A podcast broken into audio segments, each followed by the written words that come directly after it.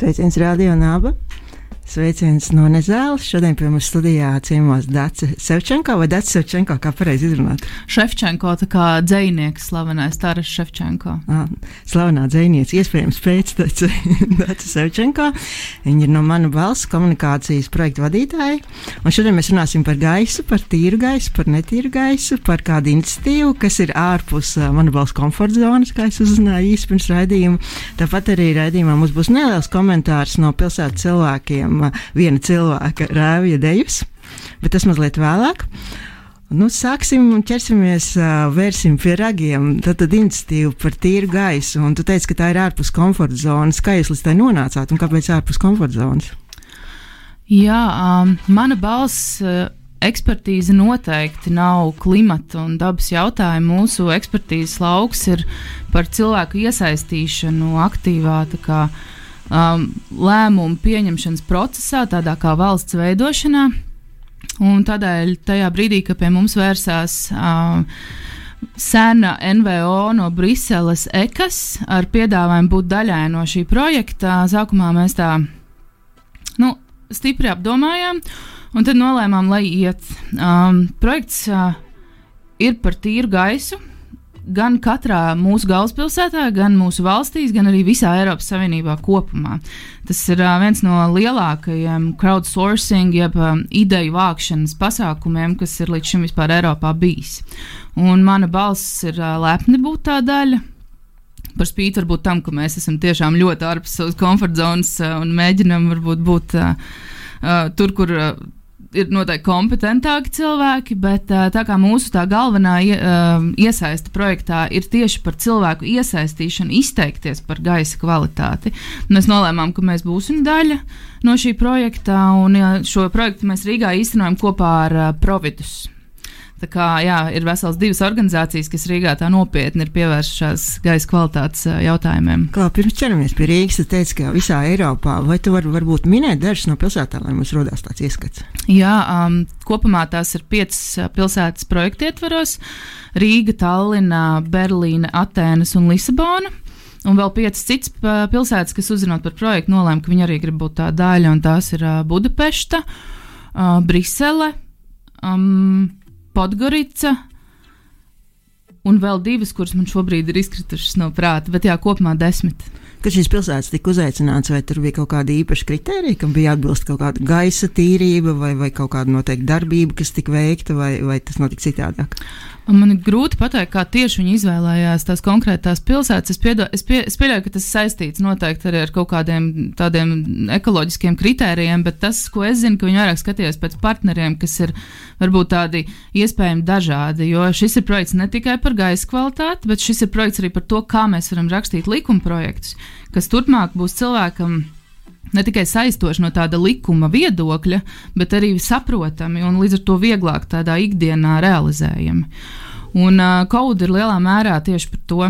Jā, es vēl gribēju pieminēt, ka kopumā šis projekts saucās Code Deciding Europe, jeb kopā lemjošā Eiropa, bet uh, Rīgā mēs to pazīstam kā projektu par tīru gaisu Rīgā, jo mēs viņu tā ļoti stingri uh, ar norādi pārsaucām. Kā lai mēs saprastu, par ko mēs runājām, es atskaņošu nelielu sarunu vakar. Diemžēl Raivs šodien netika uz raidījumu, bet vakar mēs satikāmies kādā kafejnīcā un es ierakstīju viņa domas par to, kas ir gaisa Rīgā. Nu, jā, tā tad, ar, ar gaisu Rīgā ir plus mīnus ok, bet vienmēr varētu būt labāk. Šobrīd mēs savos sensoru tīklos redzam, ka tie gaisa kvalitātes rādītāji ziemā, kad ir apkure, Rīgā svārstās ap Eiropā pieļaujamo normu. Pārsniegts vēl nav, kad tur sāktos kaut kādas sankcijas, bet nu, uz tās normas viņš svārstās. Vasarā ir drusku labāk, tad mums ir tikai drusku sliktāk nekā laukos pļavā, kur nav nekādas mašīnas, kur, kur nu, nav nekāds piesārņojums. Uh, bet nu, vienmēr varētu būt labāk, un katrs piesārņojuma gabaliņš, kas cilvēkam ikdienā ir, uh, viņš kaut kādā veidā pasliktina viņa veselību un, un, un, un, un saīsina mūža ilgumu. Un tāpēc kaut kas ir jādara, uh, un vienmēr var kaut ko darīt, uh, gan visādos veidos samazinot uh, autotransportu, um, gan arī skatoties, kā tiem cilvēkiem, kas domā mainīt apkuri, kā viņus motivēt izvēlēties kaut ko elektrisku, kaut ko, kas nededzina neko. Un, nu jā, un tie ir tie galvenie faktori, kas, kas Rīgā gaisu bojā. Tad, tad apkure, kas ir uh, privāti mājām, uh, it kā liekas maza tāda krāsniņa, bet, uh, nu, ja viņas ir daudz, ja, ja, ja, ja viņas nu, visu dienu tur deg kaut kas, um, tad tā apkure uh, arī rada piesārņojumu, un, un tas piesārņojums lēnām pēc tam izplatās pa visu pilsētu. Uh, un, un to mēs arī savos tīklos redzam, ka tur, kur ir privāta māja apkure, tur gaiss ir sliktāks. Um, un, un, un, Nu, jā, un otrs piesārņojuma avots ir mašīnas, kas braukā. Uh, un arī rada kaut kādus piesārņojumus gan no izplūdes gāzēm, uh, benzīna, dīzeļa, gan arī no tā, ka riepas dilst, ka bremzes dilst.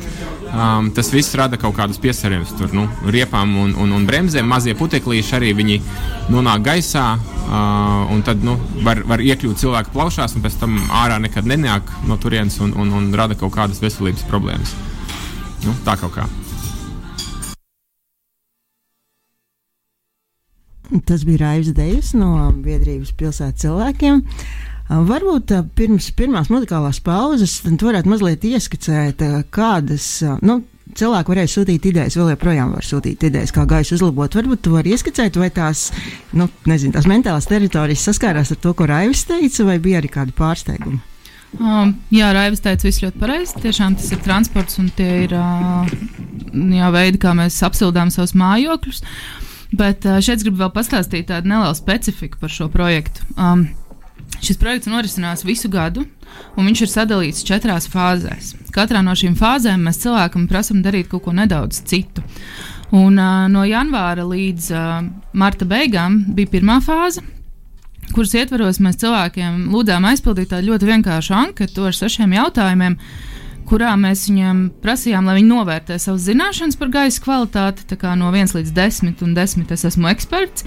Um, mēs lūdzām, lai viņi ar vienu vārdu apraksta, kas viņuprāt ir uh, gaisa piesārņojums un ar kādām gaisa piesārņojuma situācijām viņi ir saskārušies savā pilsētā. Um, nu, tie rezultāti, kas bija pēc pirmās fāzes, bija vienos vārtos. Es tā mīlu teikt, jo uh, nu, putekļi bija absol, absolūtie līderi. līderis. Absolūts līderis, un uh, es pati ļoti labi saprotu, kāpēc tas tā ir. Jo noputējušās palodzes. Um, Gaisā redzamie putekļi, kad pabrauc mašīna garām, tā ir tāda Rīgas ikdiena pavasaros. Pavisam noteikti arī ziemā uz balta skaista tikko nosneguša sniega mēs redzam, ka šie putekļi tur ir. Un, jā, pārsvarā viņi rodas tieši no apkurses sistēmām, no, no šīm krāsnīm pamatā. Bet uh, tagad ir jau otrā fāze. Otrās fāzes uh, ietvaros mēs pēc pirmās fāzes apkopojām šos rezultātus un sadalījām viņus tādos lielos astoņos blokos. Ja.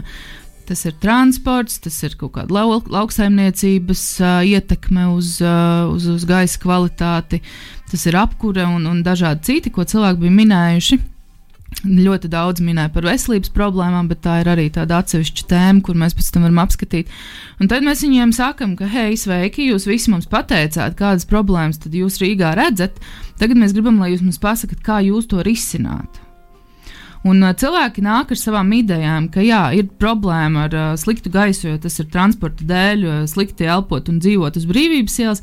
Mans piedāvājums ir uh, piemēram, nezinu, transporta iebraukšanas, privātā transporta iebraukšanas maksa kaut kādā Rīgas teritorijā.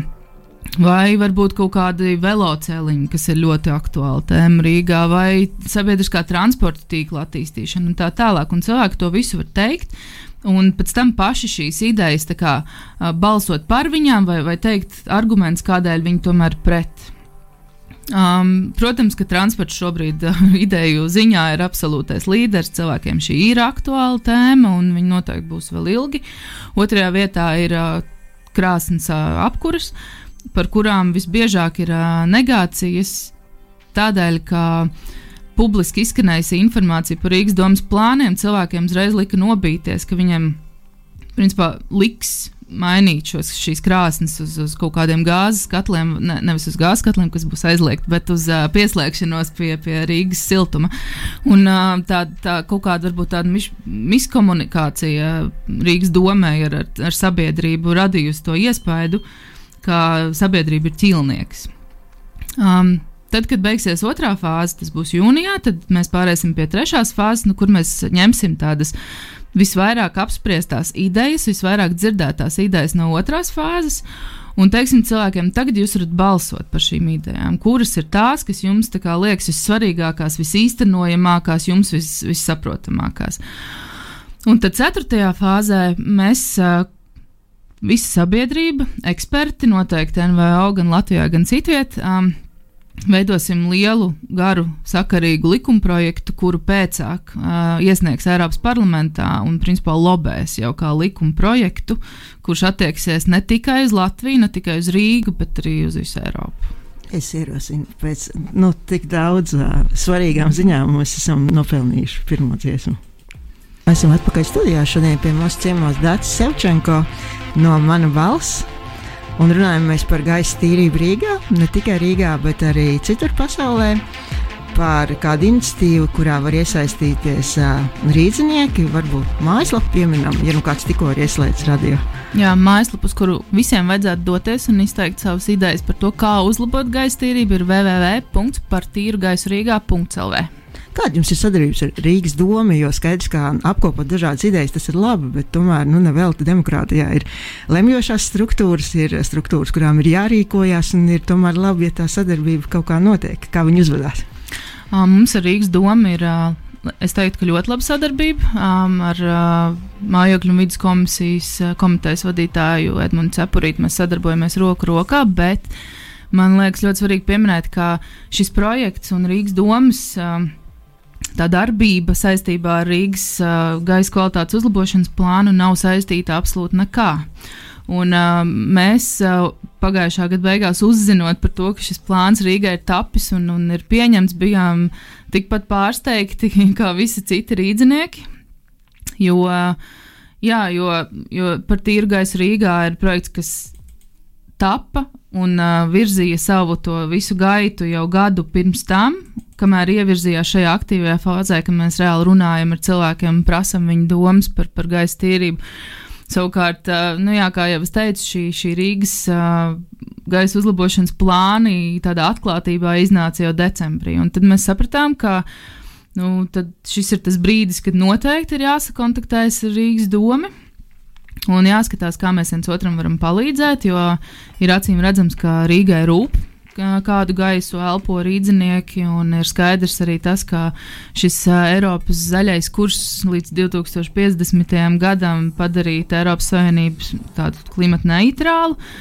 Arī Rīgai būs saistoši, līdz ar to šīs normas gaisa piesārņojumam arī visdrīzāk mainīsies, tas ir nu, visu, gan Rīgas domas, gan Rīgas iedzīvotāji, gan arī mana balss. Un, un, un par tīrgais Rīgā interesēs uh, sadarboties, cik vien var, lai, lai visiem šis process būtu tāds saprotams un nesāpīgs. Tu pašā sākumā, sarunas sākumā minēji, ka jūsu sadarbības partneris ir Providus. Kāda ir viņa loma šajā projektā? Um, Providus, uh, ja mana balss nodarbojas ar to, ko viņi prot vislabāk, uh, tad mēs runājam ar cilvēku masām un sakam, ka, ej, jums ir iespēja piedalīties, dariet to un aicinam un, un dažādi, tā teikt, um, cenšamies iesaistīt. Tad Providus loma ir vairāk runāt ar šiem ar, ar, ar tādiem lēmumu pieņēmējiem. Jau tā tad runāt ar Rīgas domu, runāt ar amatpersonām, ar, jā, arī ar varam visdrīzāk kaut kādā nākotnē un teikt, ka šis projekts ir, ka viņš būs visdrīzāk saistošs Eiropas Savienības līmenī, bet daudzas no tādām mazākām cilvēku iniciatīvām visdrīzāk būs piemērojams gan Latvijai, gan Rīgai, un tad varbūt to ir vērts izmantot. Tā, tad, tā, šī ir tā kā angliski šo sauc par advocacy campaigning, ja, tad, tad mēs runājam ar to sabiedrību. Parastiem cilvēkiem, ja, kuriem šis, uz kuriem šis viss attieksies, viņi jau savukārt runā ar, ar, ar amatpersonām.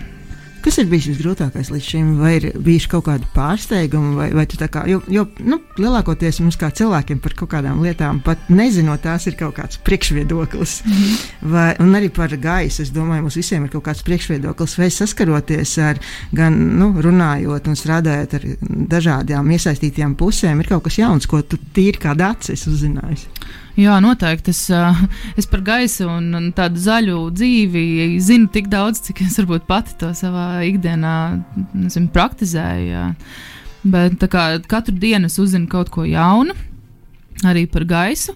Tas, kas man laikam visvairāk uh, šokē, ir tas, ka cilvēki neredz vispār problēmas sliktā gaisa kvalitātē. Um, tā kā pētot kaut kādu tādu kā bāzi šim visam projektam, uh, es, protams, uzdūros Eirobarometra pētījumam par klimatu, jā, un tur uh, Latvija bija nu, tādā pavisam apakšgalā, atbildot uz jautājumu, vai, vai klimata pārmaiņas vispār ir problēma. Ja vidēji Eiropā tie ir nu, vismaz 70%, kas saka, jā, ka tā ir viena no lielākajām problēmām, ar kur mums ir jāsaskaras un kur mums ir jārisina, tad Latvijā tie bija ap 50, manuprāt. Un, uh, nu, protams, ka tas nav. Nu, Puse sabiedrības tomēr redz, ka tā ir problēma, otra puse neredz. Tas mani kā daci uh, varbūt nu, tā stipri pārsteidz, jo man šķiet, ka nu, mēs saprotam, ka mēs dzīvojam lielā pārmaiņu laikā un uh, klimats ir viņš tiek neatgriezeniski mainīts šobrīd, un mums ir jādara viss, lai to apstādinātu. Pieņemsim, es esmu to 50 grupā, kas nesaprot, ka tā ir problēma. Un tikko ieslēdz radio nav. Domāju, no, mēs te dzirdam visu laiku runā par piesārņojumu. Kādā sakarā Dārts Sečenko saka runāt par klimatu? Kāda tur ir saikne? Um, nu tāda es esmu cilvēks, kas dzīvo šīs planētas, tā laikam arī tā lielākā saikne, bet um, jā, runājot par to, kāpēc tas ir svarīgi, nu, tā lai ieskicētu apmēram, cik dramatiski ir situācija varbūt gaisa kvalitātes jomā un kā tas iespēdo cilvēku parasto, tad, uh, nu, tad kad pasaka, ka 200 tūkstoši cilvēku ik gadu mirst no gaisa kvalitātes uh, problēmu radīt, radītām problēmām veselības, nu, tad ir tas brīdis, kad nu, gribas bišķi tā kā atkāpties un pastīties, vai tiešām Jo mēs jau Rīgā tiešām tā gaisa kvalitāte ir relatīvi normāla. Ja? Viņa nav noteikti salīdzināt ar Parīzi vai Londonu. Mēs nevaram, jā, to mūsu situāciju. Bet... Jā, debesis mēs vēl redzam. Jā, jā. Salīdzinot ar Pekinu. jā, tieši tā, bet eh, nu, vai mēs gribam nonākt līdz tam, kā, kā ir tajā Londonā vai Parīzē, nu diezin vai, vai ne. Tāpēc. Uh, vienkārši saprast to, ka arī tādam, tā tādai, tādam ieskatam uh, Latvijā katru gadu no šī gaisa piesārņojuma mirst ap diviem tūkstošiem cilvēku. Bet kā, kā to var identificēt? Vai tad nu, ārsti tā arī pasaka, šis cilvēks nomira tāpēc, ka bija slikts gaiss? Es domāju, ka tas ir uh, lielā mērā saistīts ar astmātiķi um, un, un, un kaut kādas ilgstoši nosēdušās cietās daļiņas, ja putekļi, kas ir kancerogēni pēc būtības plaušās. Tad es pieļauju, ka mediķiem ir sava veida, kā to var notāja. Bet es gribu īstenībā, jā, labi, ka tu par to ieminējies. Ir, Es nesen klausījos arī gaisa kvalitātes sakarā vienu no TED talkiem.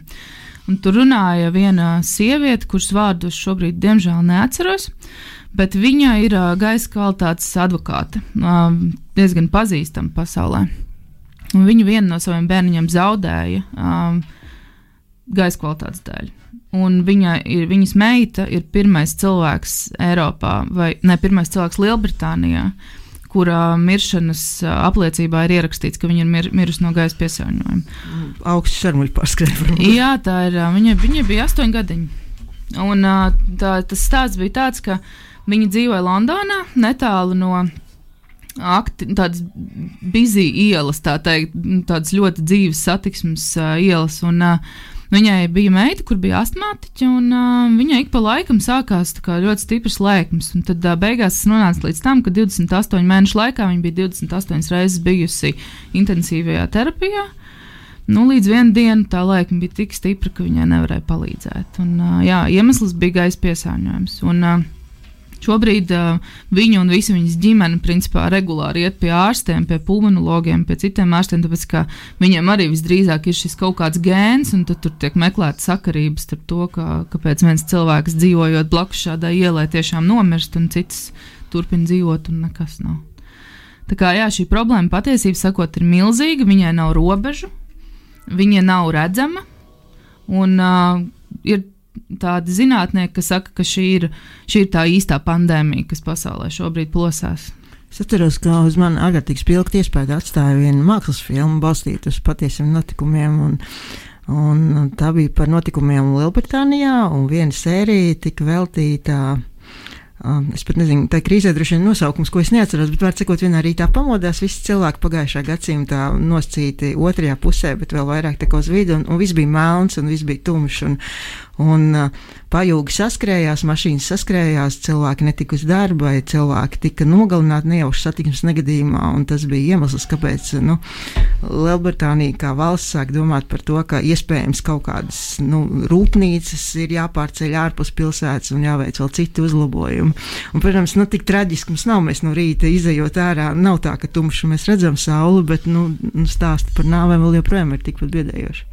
Jā, tas Um, šī, es, es noteikti zinu, par, par ko tieši tur runāja. Bija tāda Lielbritānijā, Londonā, bija lielais smogs. Un, principā, tas, tas ir tas, um, tie ir tie laikapstākļi, kad nav gaisa cirkulācijas, un tur tā kā tāds liels kupols apkārt aplikts um, kaut kādai konkrētai teritorijai un necirkulē gaisa. Līdz ar to pilnīgi visi izmeši, kas iet gaisā, cilvēki nu, ne, nelido nekur projām. Tur nu, stratosfēra nekur vispār nemaina savu atrašanās vietu, līdz ar to cilvēki dzīvo tajā dūmu mutulī. Un patiesībā sakot, arī Rīgā to var novērot uh, ziemā, kad ir šī gaisa kustība praktiski nav. Un tad mēs dzīvojam un elpojam paši savus uh, apkurss dūmus, principā. Es ierosinu, ka mēs ejam nākamajā dziesmā un pameditējam par šiem dūmiem.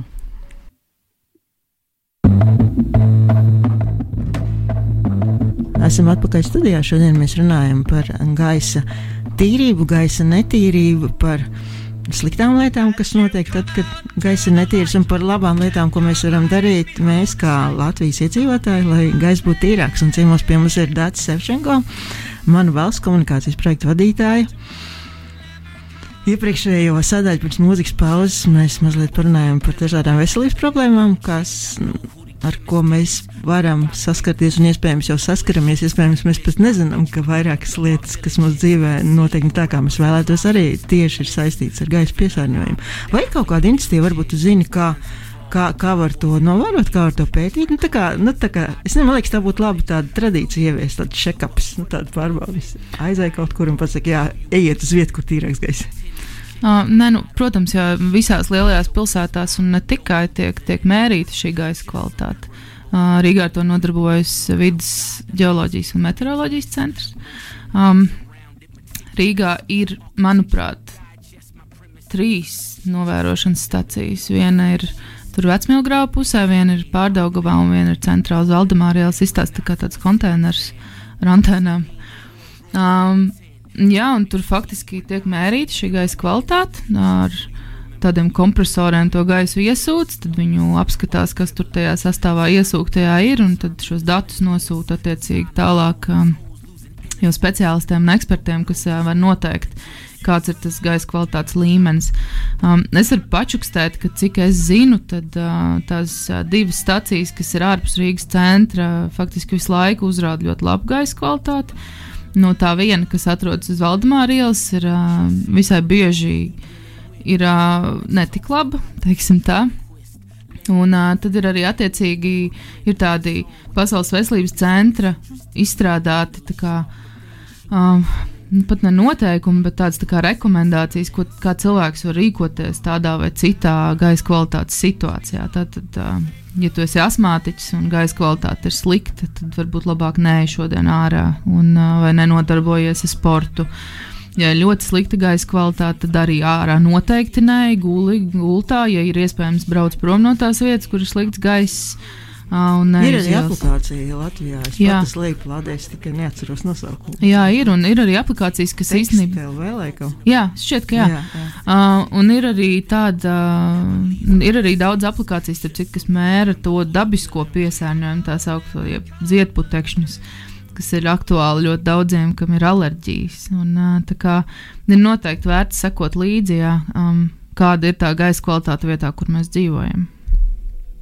Tas ir fakts. Jā. Atgriežoties atkal pie projekta, tu minēji, ka ir četras fāzes, mm -hmm. un tagad jūs esat otrajā. otrajā. Un cik ilgi būs otrā, cik ilgi vēl cilvēki var iesūtīt savas idejas? Um, es ļoti aicinu cilvēkus iesūtīt savas idejas līdz tātad, no 1. aprīļa, tad aprīlis, maijs, jūnijas līdz 30. jūnijam.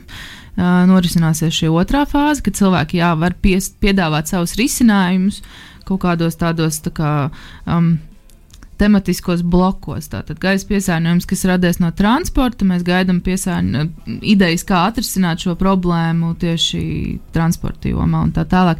Iejot mājaslapā www.tirgaisrīgā.lv var ļoti labi visu saprast un, un redzēt un, un, un viegli arī ierakstīt un padalīties ar savām idejām. Ir kaut kādas idejas, ko esat saņēmuši vairāk kārtīgi, nu, ka, ka var redzēt, ka tas jau ir tāds trends cilvēku prātos, tāpēc ka neviens vien par to ir iedomājies un raksta. Jā, daudz runā par to, ka ir jāattīst sabiedriskā transporta jā, joma Rīgā. Um, nu, grūti nepiekrist, tā noteikti ir. Um, daudzi runā par šiem tā sauktiem park and ride, kas vienkārši atrisinātu, varbūt ne pavisam atrisinātu, vismaz daļēji atrisinātu to problēmu ar sastrēgumiem. Tad, kad ir sastrēgumi, tad ir izplūdes gāzes, kad ir izplūdes gāzes, tad loģiski ir augsts gaisa piesārņojums. Tad tas, ko mēs varam darīt, lai uzlabotu gaisa kvalitāti Rīgā un Rīgā tajās varbūt zonās, kur šie sastrēgumi ir raksturīgāki, vienkārši attīstīt šo sabiedrisko transportu un attīstīt uh, stāvvietas ārpus Rīgas centra, kur cilvēks var aizbraukt, nolikt savu mašīnu. Kas varbūt viņam pilnīgi nu, saprotami ir nepieciešama. Ļoti daudzi, kā mēs zinām, dzīvo pierīgā, nevis Rīgā, un tur ir uh, slikta sabiedriskā transporta kustība, nav, nav tuvu vilciens. Tas loģiskais solis ir, ka tu iekāp savā mašīnā un dodies uz, uz Rīgu. Uh, Bet tam pavisam loģiskajam solim vajadzētu būt tādam, ka tu iekāp savā mašīnā, aizbrauc līdz parka un redz stāvvietai, atstāj savu mašīnu tur. Un tad jau pārsēdies sabiedriskajā transportā, kas kursē pēc saprātīga grafika, pielāgota, kas nestāv ilgi sastrēgumos, kas ir ērts, iespējams, varbūt nav tik dārgs, ja, un, un, un citādi atrisina šo pārvietošanās problēmu Rīgā. Vēl kāds idejas? Um, jā, velojoslas ir aktuāla tēma. Um, tiešām daudz par to runā. Um, man ir īstenībā prieks redzēt, ka arī manā dzimtajā pārdaugavā tiek, tiek būvēts veloceliņš gar vienības gata. Tas sanāk, laikam, Ziepniekāns Rīgas centrs. Um, to ir ļoti liels prieks. Jā, tā kā daudz runā par šiem alternatīviem pārvietošanās līdzekļiem, kas ir ne tikai elektroautorāta vai, vai sabiedriskais transports, bet arī divriteņi, kas mēs īstenībā redzam ļoti daudz labus piemērus Eiropā. Uh, visi runājot par velospēdiem, pirmais, ko visi iedomājas, ir Amsterdama. Uh, nu, tas ir tā kā. Ja, tas ir vēl, velomeka. Jā, tā ir velomeka, tā ir tā viņa kaut kāda tāda filozofija, kā viņi dzīvo. Um, bet ir arī daudz tādu mērenāku piemēru. Tāpat Brisele ir ļoti labi izbraukājumi ar velospēdiem, Berlīne ir ļoti laba velo infrastruktūra. Um, arī Skandināvijā, kas mums laika apstākļu ziņā ir ļoti līdzīga. Jā, tā tad ir, ir augsti, ir augstas ziemas, un tomēr cilvēki daudz braukā ar velosipēdiem.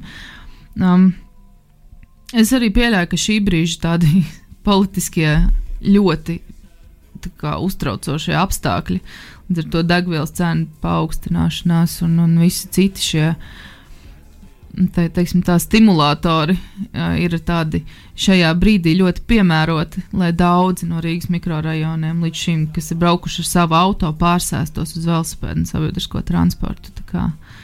Vai tev ir kaut kāda informācija no Rīgas domas piemēram, par, varbūt tu zini par velosipēdiem? Es pat arī personiski esmu interesēta, jo, jo arī man ir velosipēds un, un nu, jau pat nezinu, 11 gadus pārvietojos par Rīgu. Un, arī esmu to cilvēku skaitā, kas būtu interesēti braukt par tādu nu, drošāku un kvalitatīvāku nu, teritoriju, nevis tā kā ļoti uzmanoties. Jā, nu tas laikam var tikai pafilozofēt ar tevi kopā. Es zinu tikai tik daudz, cik, cik visi citi. Varbūt, um, nu jā, ir šīs slavenā čaka ielas vēlojosla, no kuras ir palikusi tikai viena. Uh, bet, nu, Un, un, un jā, šīs stabiņiem norobežotās Rīgas centrā. Es zinu, ka jauna būvē tiešām no Ziepniekā un uz, uz Rīgu. Es pieļauju, ka varētu būt arī kaut kas, es esmu dzirdējis runas, bet es nezinu, vai tās ir nu, tā īstas runas par, par velocāņu no Bolderājas, bet tas varētu būt arī kaut kādas iedomas tiem, kas ir Bolderājā, jo man liekas, tas ir tāds nopietns gabaliņš, ko tomēr mīties.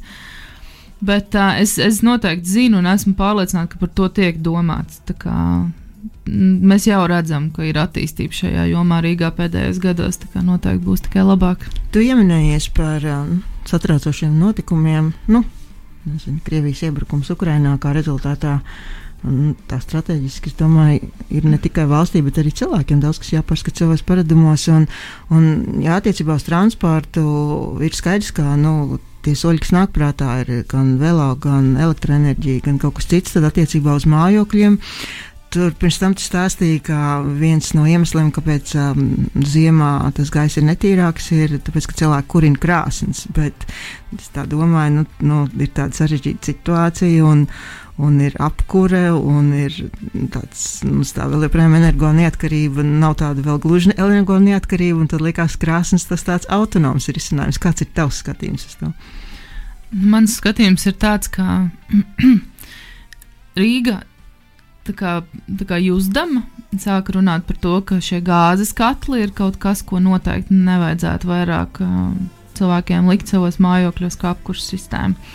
Tas nozīmē, ka tā, tā neatkarība no Krievijas gāzes noteikti arī būs lielāka. Uh, tīri finansiāli, nu, es domāju, ka mums sagaida ļoti grūtiem.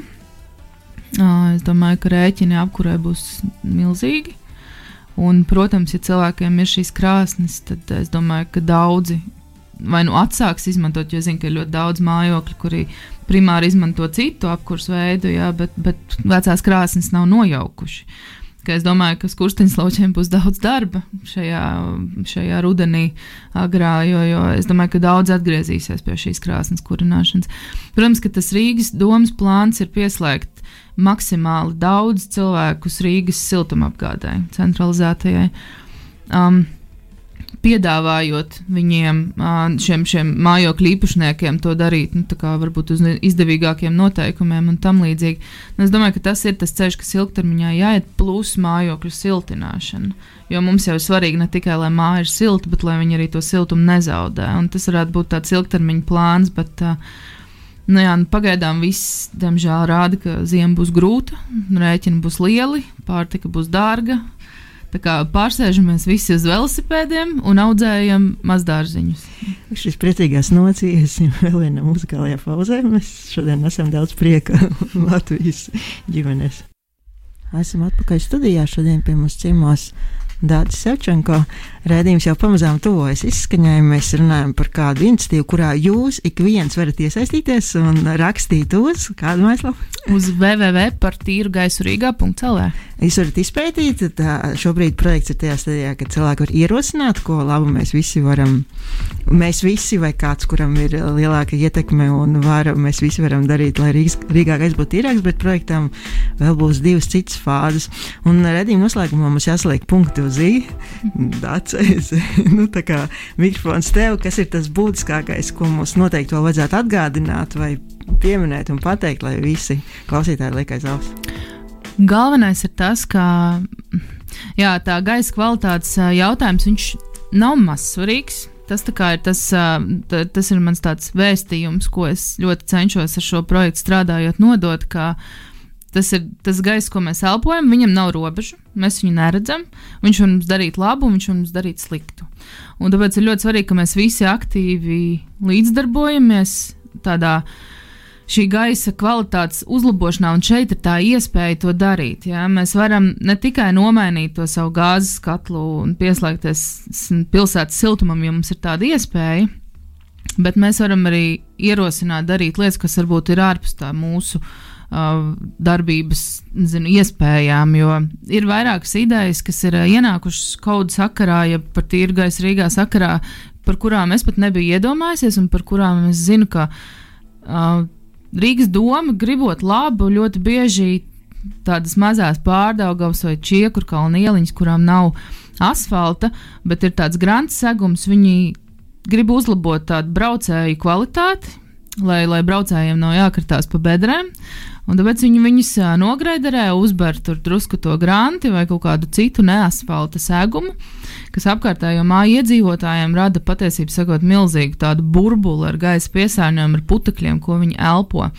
Un, šīs, un šī, šādas un līdzīgas idejas ir tās, kuras mēs ļoti, ļoti gaidām Un ļoti labprāt saņemsim mūsu mājaslapā un nodosim to tālāk gan, gan Rīgai, gan tālāk visai Eiropai, ka reizēm ir vērts parunāt ar tiem cilvēkiem pirms darīt it kā labu, jo braucējs novērtēs, ka viņam nav par to, par to ceļu jākratās, bet tas mājas. Blakus mājas uh, iedzīvotājs būs atkal tāds stipri bēdīgs un klepojošs. Tā kā mēs aicinām, visas idejas nav dumju ideja, nav sliktu ideja, visas idejas ir labas idejas. Tā kā rakstiet! Tu minēji, ka projekta noslēgumā būs arī iniciētas izmaiņas normatīvajos aktos, un ne Jā. tikai Latvijas, bet Eiropas līmenī. Vai tu mazliet vari pastāstīt par to vairāk? Jā, beigās kopā ar Eiropas vidas biroju tiks izstrādātas rekomendācijas. Un, ja sākumā bija doma par to, ka rekomendācijas būs tikai Eiropas saimnības līmenī, tāda viena liela likumprojekta rekomendācija, kuru pēc tam apstiprinās Eiropas parlaments, cerams. Uh, tad uh, jau projekta gaitā mēs sapratām, ka patiesībā ir daudz tādas uh, iniciatīvas un tādas potenciālās idejas, kuras neatiecas uz Eiropu, bet ļoti labi iedarētos uh, tādā lokālā līmenī. Tas ir Rīgas un Latvijas un citu, attiecīgi, galvaspilsētu un valsts līmeņos. Tā kā noteikti mēs dosimies pie Rīgas domas un, un iespējams arī uz varam ar uh, mūsu idejām par to, nu, kā, kā mēs varam uzlabot šo, šo Rīgas gaisa kvalitāti un, un Latvijas gaisa kvalitāti. Vai, ja, kā, ja šobrīd raidījumu arī dzird kādas citas pilsētas piederīgie nu, cilvēki no Daugavpils vai no Jelgavas vai no Liepājas vai no Ventspils, vai viņiem arī ir iespēja iesaistīties šajā projektā? Um, viņiem kā liepainiekam un ventspilniekam varbūt mazāk, Kaut gan es pieļauju, ka šīs problēmas, kas ir Rīgā, patiesībā daudzas var būt pārnestas arī uz Daugopili uz Liepāju un citu vietu Latvijā. Bet uh, es esmu pārliecināta, ka absolūtais vairums no šiem cilvēkiem, kas mums tagad dzird un nedzīvo Rīgā, Rīgā mēdz būt vai viesoties, viņiem jau arī ir savi novērojumi. Tā kā, ja tiem liepainiekiem, daugopiliešiem, baukšķiniekiem vai citiem ir kaut kādas uh, idejas, kā mēs varam kaut ko uzlabot Rīgā, mēs noteikti esam gatavi tās uzklausīt. Tās nav, nav sliktākas idejas par rīznieku idejām. Noteikti nē. Kā droši, droši rakstiet. www par tīrgais Rīgā.cl. Tā lapa mēs pieminējām, par veselību mēs pieminējām, par to, kas notiks ar projektu tālāk mēs pieminējām. Kas ir vēl tāds nozīmīgs, ko mums noteikti vajadzētu pateikt?